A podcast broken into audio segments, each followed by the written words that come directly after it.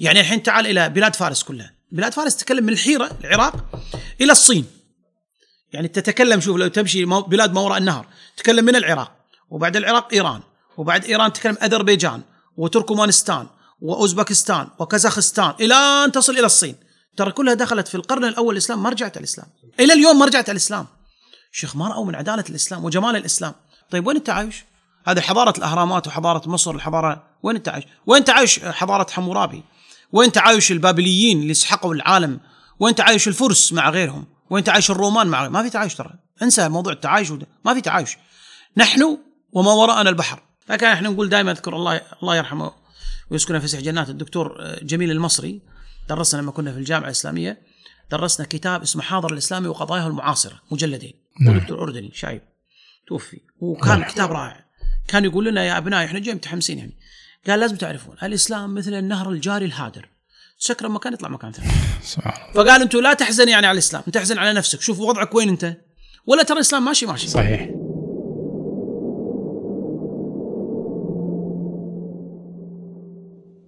بسم الله والصلاة والسلام على رسول الله سيدنا محمد وعلى آله وصحبه وسلم. السلام عليكم ورحمة الله دكتور طارق. عليكم السلام ورحمة الله تعالى وبركاته. حياك الله أخ محمد المنيس. وجهودك مشكورة ومباركة في نشر الحق وإيصال صوت الحق إلى العالم. آمين. الله يجزاك خير. الله يبارك فيك. دكتور إن شاء الله يعني تكون هذه الحلقة تحل إشكالية من الإشكاليات المعاصرة. ولا يخفى عليك دكتور تأثير إعلام دول اليوم والأفكار التي يبثها على عقول المسلمين وبالتالي أو ثم تأثير تلك الأفكار على سلوكيات المسلمين. بالتالي يعني صارت الكثير من التصرفات تصرفاتنا سلوكياتنا ليست مبنية على الكتاب والسنة الوحيين. منها فكرة التعايش. أنا عارف أن هناك أفكار كثيرة تبثها ال- ال- ال- الإعلام لكن أتكلم عن جزئية معينة التعايش.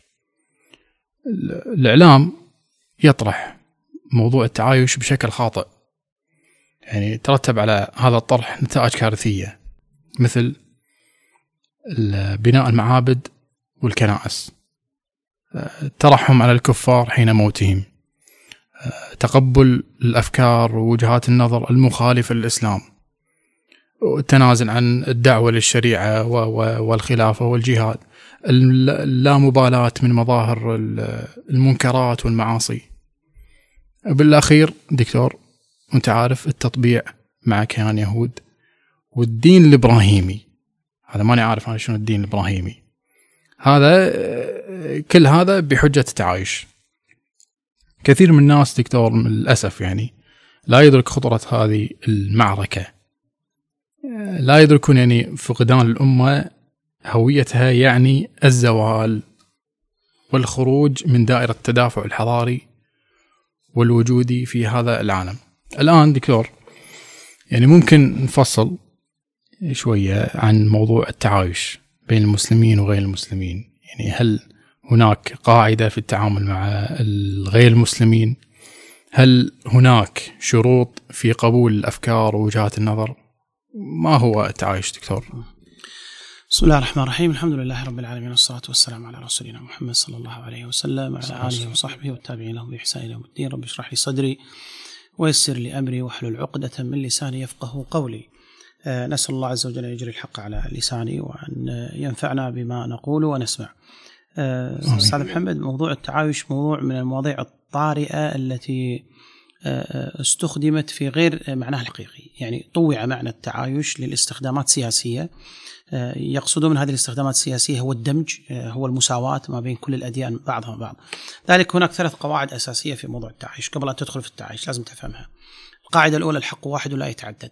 هذا لازم تعرفه. الحق؟ الحق واحد لا يتعدد. يعني ما يصير يصير أنت تحمل حق وأنا أحمل حق أما أن يكون عندك حق ولا عندي حق.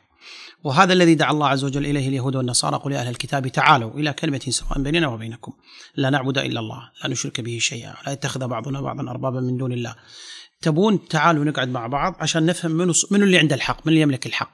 هل أنتم اللي تملكون الحق ولا أنا اللي أملك الحق؟ ولذلك الكلام عن موضوع الديانات رب الديانات هو من يقرر وليس الناس من تقرر. ديانات رب الديانات فهو وهو الله سبحانه وتعالى. ذلك إحنا عندنا الحق واحد لا يتجزأ وهو دين الإسلام. هذا اعتقادنا اعتقادنا. وهو الدين الذي جاء به النبي صلى الله عليه وسلم. وهو الدين المهيمن على الدين كله وهو خاتم الأديان.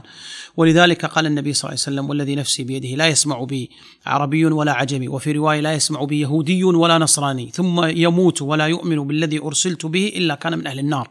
في البخاري. فلذلك آه، حسم الموضوع هذه القاعدة الأولى في موضوع التعايش. حسم الموضوع النبي صلى الله عليه وسلم على أنه لا اندماج بين الديانات. وهذه الديانات اللي تكلم أنت عنها يعني في نصارى في عهد النبي صلى الله عليه وسلم، في يهود في عصر النبي صلى الله عليه وسلم، النبي صلى الله عليه وسلم دعاهم إلى أن كلنا نعبد الله عز وجل، فأنا بسأل حينما تقول لي تعايش مع بعض، اولا موضوع الديانات. مفهومهم للإله غير مفهومك الإله، إن عندهم الإله مكون من ثلاثة، الأقانيم الثلاثة، أنت الإله هو واحد. مفهومهم إحنا مفهومنا للرب إنه لم يلد ولم يولد ولم يكن له كفوا أحد، هو مفهوم للرب إن عزير ابن الله وإن المسيح ابن الله. فهناك خلط في المفاهيم، عندهم مفهوم للغيب، عندنا مفهوم آخر للغيب، عندنا مفهوم للأنبياء. إنهم لا يغدروا ولا يخونوا وإنهم معصومون. عندهم مفهوم آخر للأنبياء عليهم الصلاة والسلام. عندنا مفهوم للكتب السماوية المنزلة. أن كتاب نؤمن بكل الكتب السماوية المنزلة. هم يؤمنون ببعض ويكفرون بالبعض. فأنا أعتقد إن هناك فوضى بالفهم بيننا وبين الديانات الأخرى. لذلك لما تقول لي تعال ادمج هذا الدين مع الديانات الأخرى تحت قبة واحدة تسمى قبة إبراهيمية وغيرها هذا مو صحيح. لأن أصلا لأن أصلا هو إبراهيم على على ملة الإسلام. ولذلك لأن إبراهيم حنيف يعني مال عن الطريق المعوج. كل الديانات تدعي أنها من إبراهيم وإلى إبراهيم، فلذا قال الله سبحانه وتعالى: ما كان إبراهيم يهوديا ولا نصرانيا، ولكن كان حنيفا مسلما ولم يكن من المشركين. ثم قال الله تعالى: إن أولى الناس بإبراهيم للذين اتبعوه هذا النبي. تبون أولى الناس بملة إبراهيم هو هذا النبي. والذين اتبعوه. فإبراهيم ليس يهودي ليس نصراني فهذا خلط بالمفاهيم. فهذا أول مبدأ في مبدأ التعايش. الحق واحد الحق لا واحد لا يتعدد وهو قول الله عز وجل ومن يبتغي غير الإسلام دينا فلن يقبل منه وهو في الآخرة من الخاسرين. أنا بسأل لما تقول لي تعالوا نتعايش مع بعض تحت قبة ديانة واحدة طيب أنا شلون أفهم الدين؟ أنت عندك اعتقادات تجاه الإله وأنا اعتقادات تجاه الإله. الله سبحانه وتعالى سمى اليهود والنصارى كفار. لم يكن الذين كفروا من أهل الكتاب والمشركين منفكين. لعن الذين كفروا من أهل الكتاب آه، على لسان داود وعيسى بن مريم. فالله سبحانه وتعالى يسميهم كفار. أنت ما ما تقدر تسميهم كفار. تحت مفهوم التعايش. فهذا المبدأ الأول وهو أن الحق واحد لا يتعدد وأن آه، دين الله سبحانه وتعالى واحد وهو الإسلام. الثاني وهو وجوب موالاة أهل الحق ومعاداة أهل الكفر. إيش يعني؟ وجوب موالاة الحق الله عز وجل قال لا تجد قوم يؤمنون بالله واليوم الآخر يودون من حد الله ورسوله يعني من كانوا في شق والله ورسوله في شق من عاد الله ورسوله وكانوا ابائهم أو ابنائهم أو إخوانهم أو عشيرتهم أولئك كتب في قلوبهم الإيمان. فلذلك أهل الإيمان ولايتهم واحدة والذين آمنوا بعضهم أولياء بعض. إذا مزجنا ما بين ولاية أهل الإيمان وأهل الكفر تكون فتنة في الأرض وفساد عظيم وعريض. ولذلك هذا المبدأ الثاني اللي إحنا لا نقبل في التنازل عنه وهو أن لازم أن نوالي أهل الحق وأن نكون مع أهل الحق ونقف صفا واحدا مع أهل الحق ضد الباطل. وهذه اللي تسمى سنة التدافع. إن أهل الحق يتحزبون إلى الحق وأهل الباطل يتحزبون إلى الباطل وتمشي سنة الحياة في دفع الحق أن يدفع الباطل. والمؤمنون والمؤمنات بعضهم, بعضهم أولياء بعض. والمنافقون والمنافقات بعضهم من بعض. فالمنافقين مع بعض وأولياء الله مع بعض وأولياء الشيطان مع بعض. فهذا المبدأ الثاني الذي لا يقبل التنازل. المبدأ الثالث مطلوب منا العدل وليس المساواة. يعني مطلوب منا العدل وليس المساواة. العدل هو أن تعطي كل ذي حق حقه. وان الله يأمر بالعدل. ما قال يأمر بالمساواة؟ وإذا حكمتم بين الناس أن تحكموا بالعدل. فالعدل تعطي كل ذي حق حقه وليس تساويه بالتساوي. يعني خليني أعطيك مثال الآن. لو افترضنا سور ارتفاع مترين واثنين واقفين مع بعض وأردت أن ترفعهم على درج فلو أعطيتهم كلهم متر متر مساواة فهذا راح يشوف والثاني ما راح يشوف. إيه. لأن هذا طويل وهذا قصير. صح. هذا يسمونه عدل هذا يسمونه مساواة إذا بنساويهم. نعطي هذا كرسي ارتفاع متر وهذا كرسي ارتفاع متر. أبو متر ونص راح يشوف أبو متر ما راح يشوف. لكن ال- المساواة هذه المساواة سويناهم لكن العدل هو أبو متر ونص أعطيه نص متر وأبو متر أعطيه متر ونص. فراح يسكنون في حد واحد. هذا العدل. فالله تعالى أمرنا أمرنا بالعدل ولم يأمرنا بالمساواة. يعني إعطاء كل ذي حق حقه. وإذا دخلنا حقيقة في موضوع العدل راح نجد أن موضوع كبير في الإسلام وأن الإسلام قسم غير المسلمين إلى أقسام. قسمهم إلى معاهد.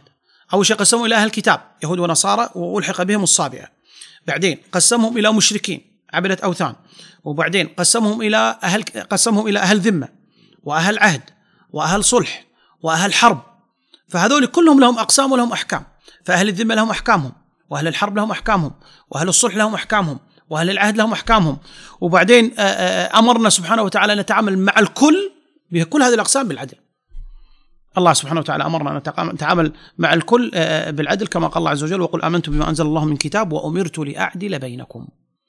الله أمرني لأن أعدل بينكم، لنا أعمالنا ولكم أعمالكم، أنتم لكم أعمالكم ونحن لنا أعمالنا، لكن أمرنا الله سبحانه وتعالى آه، حتى لو جاءوا للنبي صلى الله عليه وسلم فمأمور النبي صلى الله عليه وسلم أن يحكم بينهم بالعدل، كما قال الله سبحانه وتعالى فإن جاءوك فاحكم بينهم أو أعرض عنهم.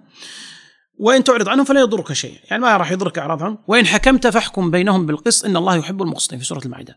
طيب في ناس يقولون ليش أنت أصلا تقسم ال- العالم المسلمين وكفار؟ يعني وأنت تقول كفار يعني و... هذا تقسيم الله. الله سبحانه وتعالى قسمهم بالشكل هذا.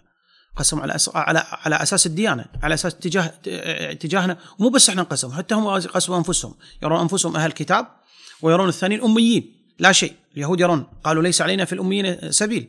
يعني ليس علينا هذا مؤاخذة ما يسمونه عدم تعايش دكتور؟ لا لا شوف تعايش هو إنك تعطي كل واحد حقه. يعني ليس بالضرورة إننا نتعايش يعني ادش بدينك. لا يعني الحين أنا ولو أسميك كافر لكن أنا أحترمك.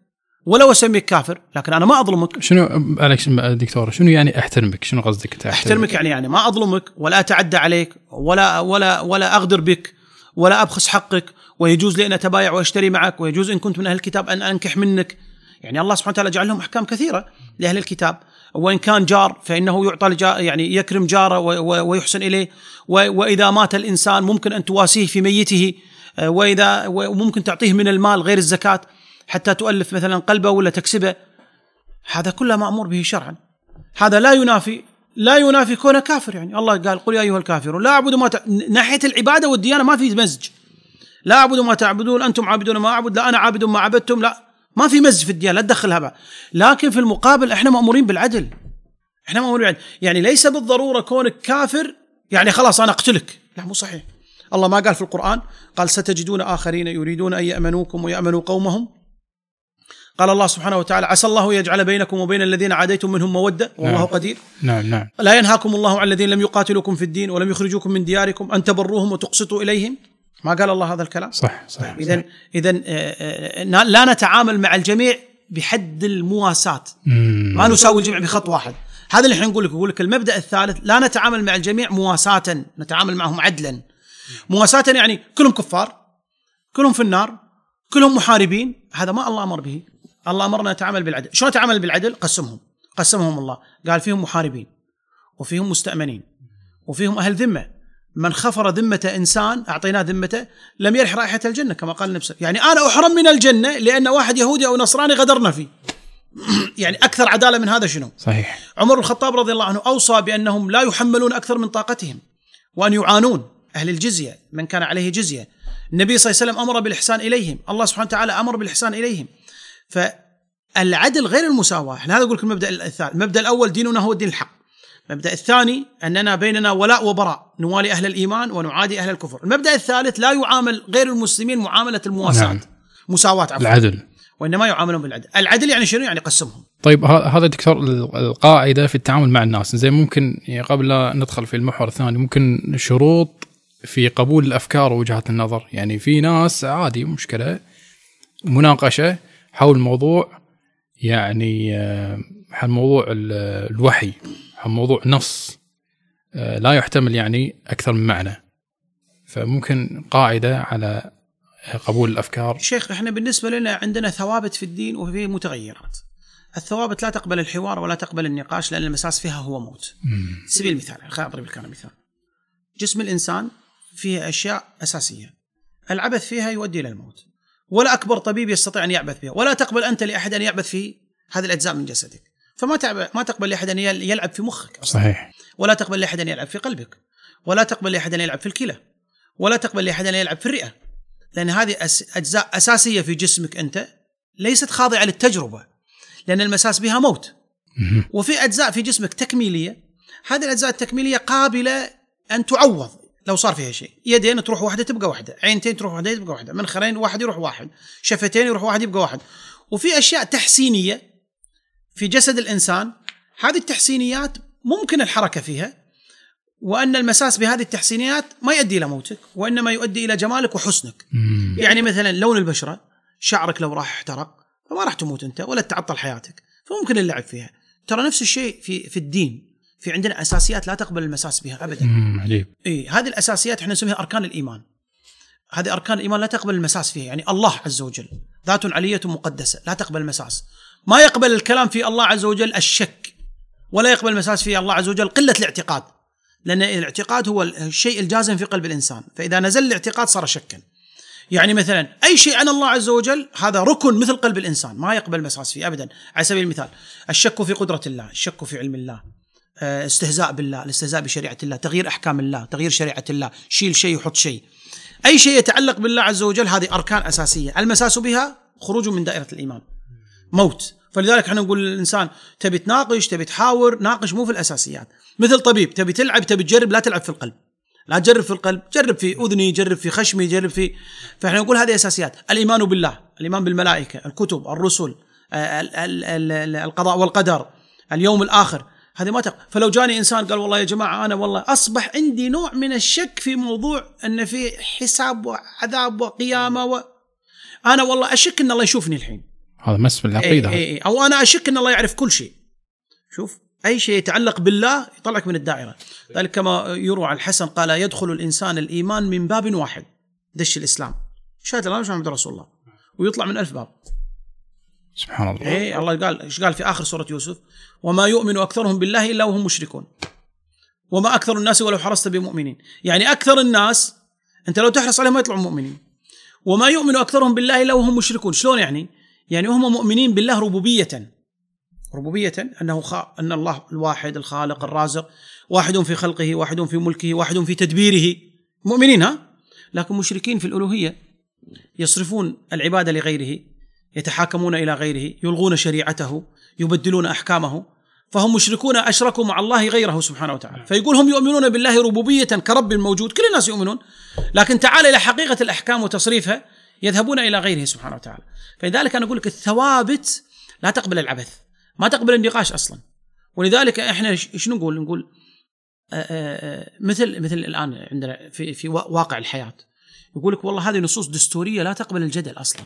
شو نصوص قال لك هاي نصوص دستورية ما تقبل الجدل هذا دستور لا يمس. هذا نصوص دستورية. تبي أنت تبي تجادل جادل في قرارات وزارية جادل في لكن هذه نصوص دستورية وهذه مراسيم. في هنا هناك أساسيات وفروع. إي هذه هذه يناقش هذا ما ما تناقش هذه ما تقبل. ولذلك المساس بها هو هدم للدستور. يقول لك لا هذا هذا ركن من أركان الدستور. يهدم بالشكل هذا. والناس قاعد تقبل وتسلم. طيب ليش ما تقبل انت احكام الله وتسلم؟ ذلك إحنا شو نقول؟ نقول دام أنت خارج دائرة الإيمان ما حد يقول كيفك؟ انت ما دخلت دائرة الإسلام. إن دخلت داخل دائرة الإسلام أنت تلتزم بإحكام الإسلام. مثال أنت خارج البلد ما حد يلزمك بإحكام البلد، كيفك؟ بتدش ما تدش لا، لكن من تدخل البلد؟ ويختم على جوازك فأنت ملزم بقوانين البلد.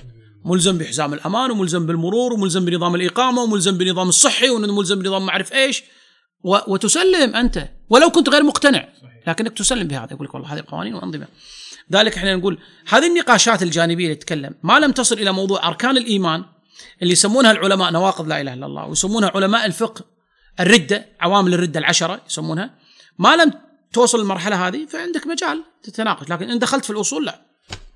ليس لك حق أن تناقش أو تحاور بها. آه طيب دكتور ممكن يعني نرجع على آه حديثنا على التعايش مع غير المسلمين. كيف كنا متعايشين مع غير المسلمين؟ يعني نرجع بالتاريخ الإسلامي. يعني قرأت في كتاب الإنسانية المستحيلة أو الإنسانوية المستحيلة للدكتور إبراهيم الرماح. مصادر تقول أن غير المسلمين كانوا يعيشون في ازدهار تسامح في ظل الدولة الإسلامية. ما أتكلم عن العثمانية أو الأموية لكن عموما جاب مصادر. فكيف كنا متعايشين يعني مع غير المسلمين لازم تعرف إن أعظم من حقق مبدأ التسامح والتعايش هو المسلمين. أعظم من حقق. ارجع شوي معي وراء إلى التاريخ. وانظر إلى التعايش اللي يسمونه تعايش اللي فعله فرعون مع غيره من الديانات والأقليات. ماذا كان يفعل فرعون؟ فرعون استعبد بني إسرائيل. شغلهم بنظام السخرة والسبب هو مغايرة الدين. هو يرى أن عند دين هذول دين. ولذلك لا يراهم شيء. يرى العبرانيين هذول لا شيء أصلا عنده. ولذلك هو من على موسى كان يمن على موسى قال وتلك نعمة تمنها علي أن عبدت بني إسرائيل يعني أنت تمن علي أن خليت بني إسرائيل عبيد عندك ولذلك موسى اصل رسالته إيش يا موسى؟ موسى جاء لينقذ بني إسرائيل أن أرسل معي بني إسرائيل بس طلعهم من العذاب اللي هم قاعدين فيه، العذاب المهين والله امتن عليهم وإذ أنجيناكم من آل فرعون يسومونكم سوء العذاب، طيب وين التعايش؟ هذه حضارة الأهرامات وحضارة مصر الحضارة وين التعايش؟ وين تعايش حضارة حمورابي؟ وين تعايش البابليين اللي سحقوا العالم؟ وين تعايش الفرس مع غيرهم؟ وين تعايش الرومان مع؟ ما في تعايش ترى، انسى موضوع التعايش وده. ما في تعايش. نحن وما وراءنا البحر. نحن ومن يخالفنا الموت. ولذلك عندك قصة أصحاب الأخدود نموذج. مم. الله ذكرها في القرآن. حرق حرق حي بشر. حفروا لهم حفرة وحرقوهم. اختلاف ديانة بس ترى. جماعة لهم ديانة. يا أخي خلي يتع- يعبدون الله. النصارى وما فعل فيهم الرومان من التنكيل. حتى أنهم عاشوا في الجبال وعاشوا في الأكواخ وعاشوا في الديارات. غيران داخل الجبال. بسبب التنكيل اللي فعله الرومان. فعلوه في النصارى. بل داخل الديانة الواحدة مذهب واحد بس بس مذهب واحد البروتستانتي يعني بروتستانتي وما تزال هناك حرب قائمة ما بين الأرثوذكس والبروتستانت الكنيسة الشرقية والكنيسة الغربية. طيب تعال ننتقل إلى إلى أكثر من ذلك. إيش فعل ال- النصارى في الأندلس في اليهود؟ حرقوا اليهود حرق. حكم تفتيش. تعال إلى المسلمين محاكم التفتيش. ماذا فعلوا النصارى بالمسلمين؟ حرق على أساس ديني. طيب وين التعايش تتكلمون عنه؟ تعايش ما بين الديانات خليني أعيش أنا ديني. ما في. تعال الآن في واقعنا المعاصر الآن. من يرون أنهم إسلاميين ويرون أنهم بالفعل هؤلاء يسمونهم متشددين لكن في الحقيقة هم يدعون إلى العودة في بعض الأحيان تنكيل بهم. ليش؟ لأن لا يرون التعايش معهم حتى مو بس بالنظام الإسلامي. يعني مو أصل تعايش على أساس دين أصل أصل تعايش على أساس فكر أصلا. يعني تعال النظام الاشتراكي الفكرة الاشتراكية. من لا يحمل الفكرة الاشتراكية؟ الإعدام حقه. وقتل وحصد أي فكرة أخرى غير الاشتراك. تعال الرأسمالية في المقابل. فكره الرأسمالية وبس. طبقة ال- الراس مال اللي يملك المال وطبقة ال- الخدام والعبيد والعمال. بس طبقة وسطى ما في.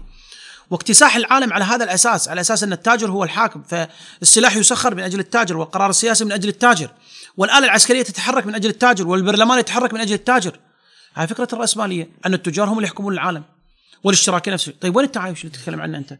يعني تعايش بس علي أنا كمسلم لما أعتز أنا بمبادئي وديني وأقول يا الله يا جماعة إحنا نرى أن إحنا على حق. وأن الله سبحانه وتعالى دعا الجميع إلى أن يفهموا ديننا. ونحن نرى أن بيننا ولاء ولحمة. كما أننا نرى القاعدة الثالثة أننا يجب أن نتعامل مع الآخرين بالعدل. ونقسمهم على أقسام ليسوا على حد واحد. فيهم محارب فيهم ذمي فيهم معاهد فيهم أهل صلح. أمر الله تعالى بالإحسان إليهم. لا ينهاكم الله عن الذين لم يقاتلوكم في الدين ويخرجوكم من دياركم أن تبروهم وتقسطوا إليهم. ستجدون آخرين يريدون أن يأمنوكم ويأمنوا قومهم. أمر الله سبحانه وتعالى بالإحسان إلى الجار. أمر الله سبحانه وتعالى بأن أجاز الزواج فيما بيننا وبينهم أجاز البيع والشراء فيما بيننا وبينهم. حرم الله على على مسلم يغدر بمعاهد وذمي حرم الله عليه الجنة. أمرنا في الحروب أن لا نقتل طفلا ولا رضيعا ولا امرأة ولا أن نمثل في إنسان. حتى وأمرنا بالحروب أن نطلب من الناس إما الجزية أو أمرنا ان ان أن نأخذ منهم أو يدخلوا في الإسلام أو الحرب. أعطانا اختيارات. القتال ليس لأجل القتال قتال لأجل نشر الدين. حتى يكون الدين كله لله لاجل ان تعبد الأرض لله سبحانه وتعالى بس هو ممكن التعايش ليش تحاسبني أنا بس يعني هو دكتور ممكن يقول إن أنت أصلا يعني الأحزاب أو الأحزاب الإسلامية عموما يعني فشلوا في الوحدة وثم أسقطت الدولة العثمانية فإيش البديل؟ البديل هو هذا النظام الدولي والرأسمالية أفضل من النظام الخلافة اولا شوف شيخ لازم تعرف أن كل الأحزاب السياسية القائمة هي محاولة سد الفراغ لما سقطت الخلافة، لازم تعرف هذا. فأنت لا تحمل هذه الأحزاب مسؤولية الإسلام الكامل. هذه أحزاب لا تملك مؤسسات دولة وأحزاب حرمت من ممارسة واقعها السياسي سنوات طويلة. فوالله تقول لي والله أنتم إسلاميين ما تعرفوا تقودون دولة، طيب وين هم يقودون دولة؟ هم كلهم محطوطين في السجون أصلا. وينهم شلون يقودون دولة؟ أنت حارمهم أصلا من أي منصب سياسي، أنت حارمهم من بعثات، أنت حارمهم من أي ممارسة واقعية، طيب وين المساواة اللي تتكلم عنها؟ وين العدل اللي أنت تتكلم عنه؟ لما أنت ترمي لي. ال 60 70 ألف في السجون بمحاكمات صورية وهمية أنت تصنعها وأنت تملك القضاء وتملك الأمن وتملك الجيش وتملك الشرطة وتملك الآلة الإعلامية وتشوه سمعتي أنا وفي النهاية تقول والله أنت أنت متطرف لأنك ما تدعو إلى التعايش، طيب أي تعايش تتكلم أنت عنه؟ عطني نفس في الحياة، والدليل على ذلك إنك لما أعطيتني نفس في الحياة وأجريت انتخابات نزيهة كل العالم قبلت فيني واستطعت أن أنجح في بعض الإدارات في الدولة. لذلك أنت لما تتكلم عن أن هؤلاء ما استطاعوا أن يتعايشوا لأن الحرب كبيرة ضدهم يعني حتى الخلافة العثمانية في آخر انفاسها شوف من كان يحاربها أصلا ما بقت فرنسا ولا إيطاليا ولا النمسا ولا كل العالم على دولة حاصروها من كل مكان محاصرة اقتصادية سياسية عسكرية وآخر شيء يقول لك الإسلام فشل. مو أنت شوف آلتك العسكرية إيش قاعد تسوي؟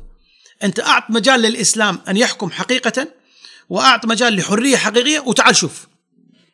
وعندنا اليوم براهين كثيرة بل براهين الخلافه الإسلامية على مدى ألف سنة أصلا. صحيح. شلون استطاعت أن تمتد في العالم وأن يزدهر العالم بنظام اقتصادي وإداري وسياسي وعسكري وقضائي من أروع ما يكون؟ فأنت ما يصير تقول لي والله البديل هو والبديل هو هذا النظام العالمي. النظام العالمي هو نظام استعماري. هو نظام جاء ففرض نفسه بعدما أسقط الخلافة وجاء فرض نفسه بعدما أسقط الإسلام. فهذه الأحزاب اللي أنت قاعد تتكلم عنها تقول فشلت. اولا أحزاب لم يتح لها الآلة أن تمسك الدولة من آلة قضائية وسياسية وإلى آخره. اثنين لم تعطى مجال لأن تكسب خبرة أصلا كلهم مغيبين في السجون.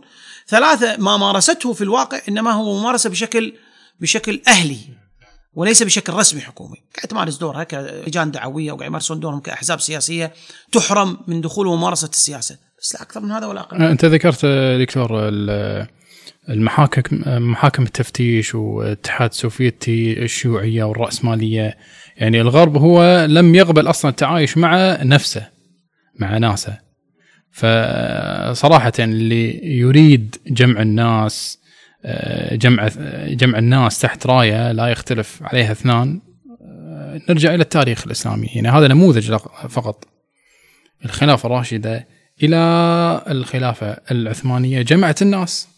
أنا ف-. لعلي يمكن ما اجبت على الجزئية اللي قلت لي أنت ذكرتها وهي أن بالفعل كان هناك آه، آه، نوع من الاستقرار لليهود والنصارى وكل الديانات في ظل الخلافة الإسلامية، هذا هذا مجمع مجمع عليه أهل الت- التاريخ جميعا، أولهم أهل القدس اللي يسمى أورشليم.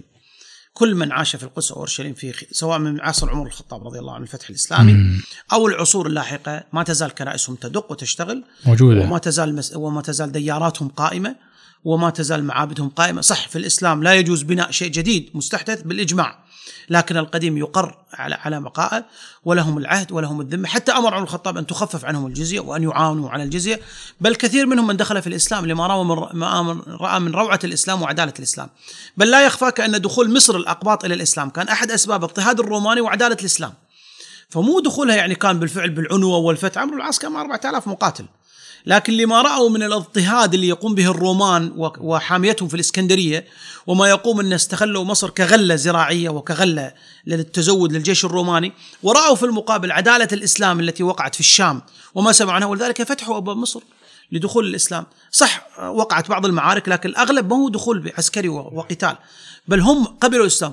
وأعطيك دليل آخر أن 90% إن لم يكن 100% من الدول التي فتحها المسلمون لم ترتد. ولم تخرج عن دائرة الإسلام. سبب ما رأوا من عدالة الإسلام. يعني الحين تعال إلى بلاد فارس كلها. بلاد فارس تتكلم من الحيرة العراق إلى الصين. يعني تتكلم شوف لو تمشي بلاد ما وراء النهر تتكلم من العراق وبعد العراق إيران وبعد إيران تتكلم أذربيجان وتركمانستان وأوزبكستان وكازاخستان إلى أن تصل إلى الصين. ترى كلها دخلت في القرن الأول الإسلام ما رجعت الإسلام. سبحان إلى. اليوم ما رجعت الإسلام. شيخ ما رأوا من عدالة الإسلام وجمال الإسلام. هذول ترى كانوا بعضهم نصراني بعضهم مجوسي بعضهم تعال الله. الشام. الشام ترى يعني دولة هي مهد النصرانية. فيها كنيسة مهد بيت لحم ومهد المسيح عليه الصلاة والسلام بل هي مقر الديانات فيها آه، آه، قبر إبراهيم عليه الصلاة والسلام يوسف موسى يعني كل الأنبياء في المنطقة الحيوية هذه. ترى ما. رجعوا الإسلام إلى الآن. أهل جدا. الشام أهل الشام محبين بل مناصرين مدافعين عن الإسلام. تعال إلى مصر. تعال إلى أفريقيا. تعال إلى المغرب وبن تاشفين والجماعة اللي هناك داخل الأندلس. ما دخلوا. ما خرج الإسلام إلا قتل يعني. ما ما فعلوا من محاكم التفتيش من تصفية. ولولا التصفية يبقى الإسلام. نعم نعم. شيخ أنا أقول لك السبب السبب إن الإسلام عجيب يا أخي. سبحان في. عدالته عجيب الإسلام في حب الناس له. يعني من يقرأ الإسلام ويتشبع به يصير جند من جنود الإسلام. وهذا السر حقيقة يعني يمكن اللي يخفى على كثير من الناس. أن أهل فارس لماذا برع أهل فارس في السنة النبوية وخدمة السنة النبوية والعلوم؟ ليش يعني؟ يعني تعال غالب من خدم السنة النبوية وغدا وخدم الإسلام أكثرهم من فارس بلاد فارس. تكلم عن الخوارزمي تكلم عن ابن سينا تكلم عن هذول علماء الفلك والطب وتكلم عن علماء الشريعة يعني البخاري ومسلم وأبو داود والترمذي والنسائي وابن ماجه والحاكم النيسابوري. يعني ولادة ومنشأ بلاد فارس. أنا أقول لك سبب رأوا حلاوة الإسلام؟ وفاتهم كثير في الإسلام. ما هم من الفاتحين؟ ما ولا لحقوا على الجيوش الإسلامية الفاتحة ولم يكونوا من أهل مكة والمدينة. فأرادوا أن يعوضوا الجماعة يعني شيء عظم الإسلام. فلم يجدوا سبيل إلا خدمة هذه السنة النبوية. فتسابقوا للرحيل في طلب العلم وخدمة السنة النبوية وكتابة الكتب و حتى كما قال صلى الله عليه وسلم لو كان العلم في الثريا لناله رجال من فارس. ولا ارتدوا. حتى التتار اللي مفسدين في الأرض اللي هو تعتبر يعني يعني منظومتهم منظومة الفكرية منظومة تخريبية. يعني يعني الفاتحين المسلمين ما يخربون مثلهم. يعني تصور حاصروا سمرقند فحرقوها عن بكرة بها حاصروا بغداد حرقوها.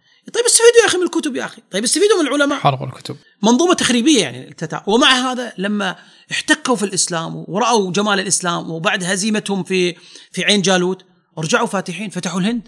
عجيب. واستقر الإسلام هناك وصاروا من أعظم الفاتحين للإسلام. نفس الشيء الجماعة في الأناضول الأتراك وغيرهم. يا أخي الإسلام هذا عجيب عظمة يا أخي. من يذوق حلاوة الإسلام يعيش حياته كلها. بل يبكي كما قال عثمان رضي الله عنه قال لو صفت قلوبكم لما شبعتم من كلام الله. ها عظمة هذا. والله ولذلك هذا دين الله يعني دين الله منصور. لكن إحنا نقول دائما أذكر الله الله يرحمه ويسكنه في سح جنات الدكتور جميل المصري درسنا لما كنا في الجامعة الإسلامية درسنا كتاب اسمه حاضر الإسلامي وقضاياه المعاصرة مجلدين. نعم. ودكتور أردني شايب. توفي. وكان كتاب رائع. كان يقول لنا يا أبنائي إحنا جاي متحمسين يعني. قال لازم تعرفون الإسلام مثل النهر الجاري الهادر. سكر مكان يطلع مكان ثاني. فقال أنتم لا تحزن يعني على الإسلام انت تحزن على نفسك. شوف وضعك وين أنت؟ ولا ترى الإسلام ماشي ماشي. صحيح. قال سبحان الله أغلق على الإسلام. عند العرب ارتدت العرب ما ارتدت الله فتح باب ثاني. جو الفرس طاح من الفرس شالوا الأكراد. طاح من الأكراد شالوا المماليك. طاح من المماليك شالوا البربر. طاح من البربر شالوا فقال ترى الإسلام نهر هادر جاري لا يتوقف. هذا هذا شغل الله سبحانه وتعالى هو اللي يدفع. لكن أنت عليك شوف نفسك وين بهالنهر وين رايح أنت؟ ولا ماشي السكرة مني يطلع مني. والتدفق في الإسلام عجيب يعني والله أنا أسمع يعني دخول الناس في الإسلام أفواج يدخل الناس في الإسلام وأفواج بالناس يقتنعوا في الإسلام وأفواج بالناس يحبون الإسلام. فهذا دين الله مع هذولي. هذه نقطة يعني كأنك تقول الرسالة يعني أن ال- ال- الإسلام هو وحد البشرية يعني خلينا نقول التعايش هذا. فاللي يريد توحيد البشرية من جديد بالعدل لابد أن يعمل لاستئناف الحياة الإسلامية ويعمل للإسلام ويعمل لإعادة الشريعة والخلافة وكذا. دكتور الآن يعني آخر محور. ما المعنى الذي يراد تمريره تحت شعار الإنسانية والتعايش اليوم؟ شنو يبون بالضبط هم؟ شنو قصدهم هو هو المعنى الأول تبيع الإسلام أصلا إذابة الإسلام وإلغاء مبدأ الولاء والبراء والمفاصلة الذي جاء القرآن بها. وإلغاء توحيد الله لأن اللي يبي يخليك تتعايش مع من يرى أن الله ثالث ثلاثة ومن يرى أن عزير ابن الله ومن يرى أن المسيح هو ابن الله. معناته هو يريد أن يلغي توحيدك أصلا. يعني شلون أنا أعتقد إنك أنت على حق وأنا على حق وأنت تعتقد إن الإله شيء وأنا أعتقد الإله شيء ثاني. أخي مبدأ التعايش طرحه كفار قريش من زمان على النبي صلى الله عليه وسلم. طرحه أبو جهل قبل الجماعه الحاليين. أبو جهل اللي يسمونه أبو الحكم أصلا.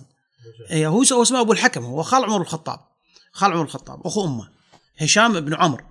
خال آه، عمر الخطاب. هو طرح المبدأ هذا من زمان على النبي صلى الله عليه وسلم. هو على أبو لهب. فقالوا للنبي صلى الله عليه وسلم نتعايش مع بعض. شنو فكرة التعايش؟ فكرة التعايش إنك أنت تعبد آلهتنا شهر وإحنا نعبد إلهك شهر. ونعيش تحت القبة الإبراهيمية اللي كانت في مكة.